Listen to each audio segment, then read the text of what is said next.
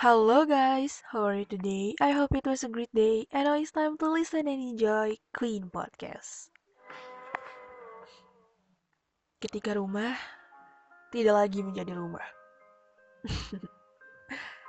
Setiap orang pasti menginginkan keluarga yang harmonis, saling mendukung, dan penuh kasih sayang. Meskipun faktanya terkadang terjadi perdebatan maupun konflik dalam keluarga sampai semuanya buyar.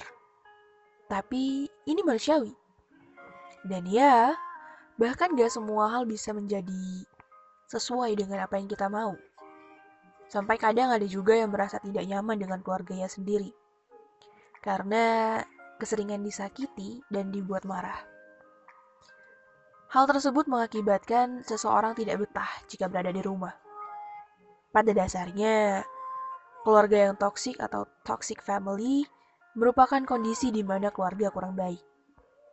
Maksud dari toxic family sendiri bisa berasal dari orang tua, kakak, adik, ataupun keluarga lainnya. Nah, kalau kamu ngerasa punya keluarga yang toksik, ada beberapa tanda-tandanya nih yang bakal aku sebutin. Disimak ya. Yang pertama, kamu merasa disakiti secara psikis dan fisik. Tanda apabila kamu memiliki keluarga yang toksik, yaitu jika kamu disakiti secara psikis dan fisik. Misalnya, kamu tidak dipanggil dengan nama yang tidak kamu sukai, atau mendapat kekerasan fisik. Tentu saja hal ini membuat kamu tidak nyaman. Selain itu, melakukan kekerasan fisik maupun psikis bisa menimbulkan trauma. Oleh sebab itu, jika kamu merasakan kondisi ini, segeralah untuk berkonsultasi ke ahli medis. Ataupun kamu bisa mediasi pribadi sendiri dulu kok. Dicoba dulu. Dan yang kedua, keluarga kamu terlalu sering mengkritik. Keluarga umumnya harus memberikan dukungan atas pencapaian maupun kegagalan kamu. Namun, hal tersebut sangat berbeda apabila kamu berada di dalam keluarga yang toksik. Pasalnya, kamu akan sering menerima kritik daripada dukungan. Mereka juga tidak akan merasa puas atas pencapaian kamu, apa pun itu. Hal ini, ini nggak bakal bikin kamu bangkit, akan jatuh setelah diberikan kritik, dan ya, tidak sedikit membantu kamu atau memotivasi kamu. Kinda suck. dan tentunya ini akan berpengaruh ya terhadap uh, kesehatan mental kamu ataupun mental health kamu. Tapi sebenarnya apa sih itu namanya mental health? Mental health atau kesehatan mental adalah kesejahteraan emosional, psikologis, dan sosial kita. Nah, apa hubungannya dengan keluarga yang toksik tadi? Kadang kita terlalu fokus memikirkan mental kita yang dijatuhkan oleh orang-orang sekitar, yang di luar keluarga kita. Padahal bisa jadi penyebab utama kita sakit mental itu adalah keluarga kita sendiri. Mungkin banyak dari kalian yang sudah merasakan hal itu. Pengertian mental health menurut WHO pada tahun 2004 adalah kondisi sejahtera di mana individu mampu menyadari kemampuan yang ia miliki, mengatasi tekanan dan stres dalam kehidupan sehari-hari, bekerja produktif, dan mampu berkontribusi aktif di lingkungan atau komunitasnya. Dirangkum dari laman mentalhealth.gov, kesehatan mental berpengaruh kepada cara kita berpikir, merasa, dan bertindak. Kesehatan mental juga membantu menentukan bagaimana kita menangani stres, berhubungan dengan orang lain, dan membuat pilihan kesehatan mental penting pada setiap tahap kehidupan. Dari masa anak-anak, remaja, hingga dewasa. Dan pastinya di sini kita udah pada sadar dong.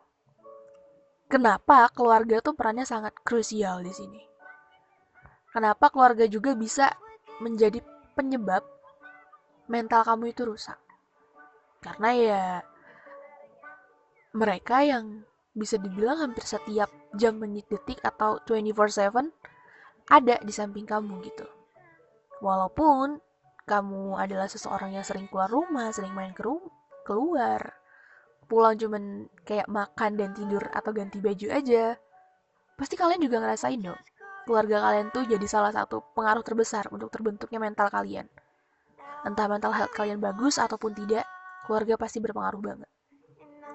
Nah, uh, ada nggak sih sebenarnya tanda-tanda yang simple kalau kamu tuh sebenarnya pernah mengalami mentally abuse atau pelecehan mental atau uh, keadaan mental kamu tuh diganggu ada ada empat ciri yang aku udah rangkum yang menandakan bahwa kamu pernah mengalami pelecehan mental atau mental abuse. Yang pertama, kamu selalu meminta maaf. Bahkan untuk hal-hal yang bukan salah kamu. Kayak kamu tuh takut banget kalau kamu bikin kesalahan. Dalam kasus ini mungkin kamu dulunya pernah merasa tertekan gitu loh. Pernah selalu disalahkan padahal bukan salah kamu. Gitu. Terus yang kedua, kamu selalu butuh kepastian kamu perlu tahu mereka masih mencintai kamu karena kamu jarang mendapatkan cinta di masa lalu. Terbalik lagi, bisa jadi kamu selama ini tuh kurang perhatian, kurang kasih sayang. Jadi di saat ada orang yang ngasih perhatian lebih ke kamu, kamu bakal terus menanyakan mereka, meminta kepastian kepada mereka. Sebenarnya kamu tuh bener-bener serius nggak gitu? Bener-bener menyayangi kamu atau tidak? Ini salah satu ciri kamu pernah mengalami mental abuse. Kemudian yang ketiga, kalau seseorang mengeraskan suaranya ke kamu atau pakai suara dengan nada tinggi saat berbicara dengan kamu, kamu akan langsung tertegun atau bahkan menangis. Ini pertanda bahwa kamu pernah mengalami trauma dengan suara-suara yang nadanya tinggi gitu. Mungkin kamu sering dibentak atau yang lain-lainnya. Dan yang terakhir cirinya, kamu tidak pernah menerima pujian. Karena kamu pikir itu adalah palsu. Karena jauh di lubuk hati kamu, kamu berpikir nggak ada orang-orang yang benar-benar mencintai, mencintai kamu ataupun menyayangi kamu. Itu salah satu ciri kamu terlalu sering ditipu ataupun tidak pernah merasakan kasih sayang dari orang-orang yang di sekitar kamu. Nah, kalau kamu mengalami ciri-ciri di atas tadi, kemungkinan besar kamu pernah mengalami pelecehan mental ataupun mentally abuse gitu. Nah, ada nggak sih solusinya yang simple-simple nih biar mental kita tuh sehat atau uh, setidaknya membaik gitu? Ada beberapa solusi yang udah aku rangkum juga. Kita langsung ke yang pertama. Katakan hal positif pada diri kamu sendiri. Kalau bukan kamu sendiri yang memotivasi diri kamu, itu nggak bakal ada orang lain yang bisa bikin kamu semangat. Cause that is bullshit. Kalau kamu ngerasa orang itu, oh dia motivasi banget buat gue. 80% orang-orang hanya bisa bangkit kalau dirinya sendiri sudah mau bangkit. Terserah orang lain mau berusaha seperti apa pun kalau kamu sendiri tidak pernah mengatakan hal positif pada diri kamu sendiri. Kamu gak akan bergerak dari posisi kamu yang sekarang. Kemudian yang kedua, Tuliskan hal-hal yang patut disyukuri. Rasa bersyukur itu dikaitkan dengan peningkatan kesejahteraan, kualitas kesehatan mental, serta kebahagiaan. Cara sederhana untuk meningkatkan rasa bersyukur adalah membuat jurnal dan menuliskan berbagai hal yang patut disyukuri setiap harinya. Bahkan, kamu bangun tidur masih bisa melihat dan bernafas, itu pun harus kamu syukuri. Karena ada di luar sana yang tertidur kemudian esok harinya tidak bangun lagi. Kemudian yang ketiga, Fokus pada satu hal pada satu waktu. Fokus pada tujuan mampu melepaskan emosi negatif ataupun membuat kamu merasa lebih rileks gitu daripada kamu memaksakan untuk multitasking dan ujungnya kamu terbebani sendiri. Lanjut, ada olahraga. Tubuh kamu akan melepaskan endorfin yang membantu menyingkirkan stres dan meningkatkan suasana hati kamu sebelum dan sesudah berolahraga. Itulah sebabnya olahraga adalah cara penangkal stres, kecemasan, dan depresi yang ampuh. Jangan males-malesan lagi ya. Kemudian, the last but not least, istirahat. Pada saat-saat semua pekerjaan terasa seperti terlalu banyak, coba menjauh dan lakukan apa pun kecuali hal yang membuat kamu semakin stres. Setidaknya sampai kamu merasa sedikit lebih baik. Simpelnya kamu bisa mulai mengatur nafas kamu, duduk, atur posisi yang paling nyaman, atur nafas kamu dan katakan Okay, I've do my best. Dan kita perlu diapresiasi dengan cara istirahat.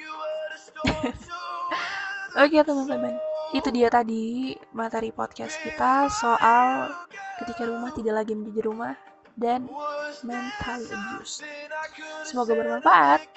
Uh, aku harap ke depannya kita bisa sama-sama menjaga kesehatan mental kita dan orang-orang di sekitar kita.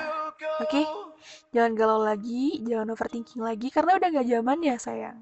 Oke? Okay?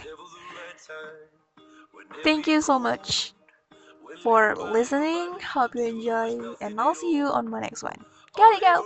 Bye guys.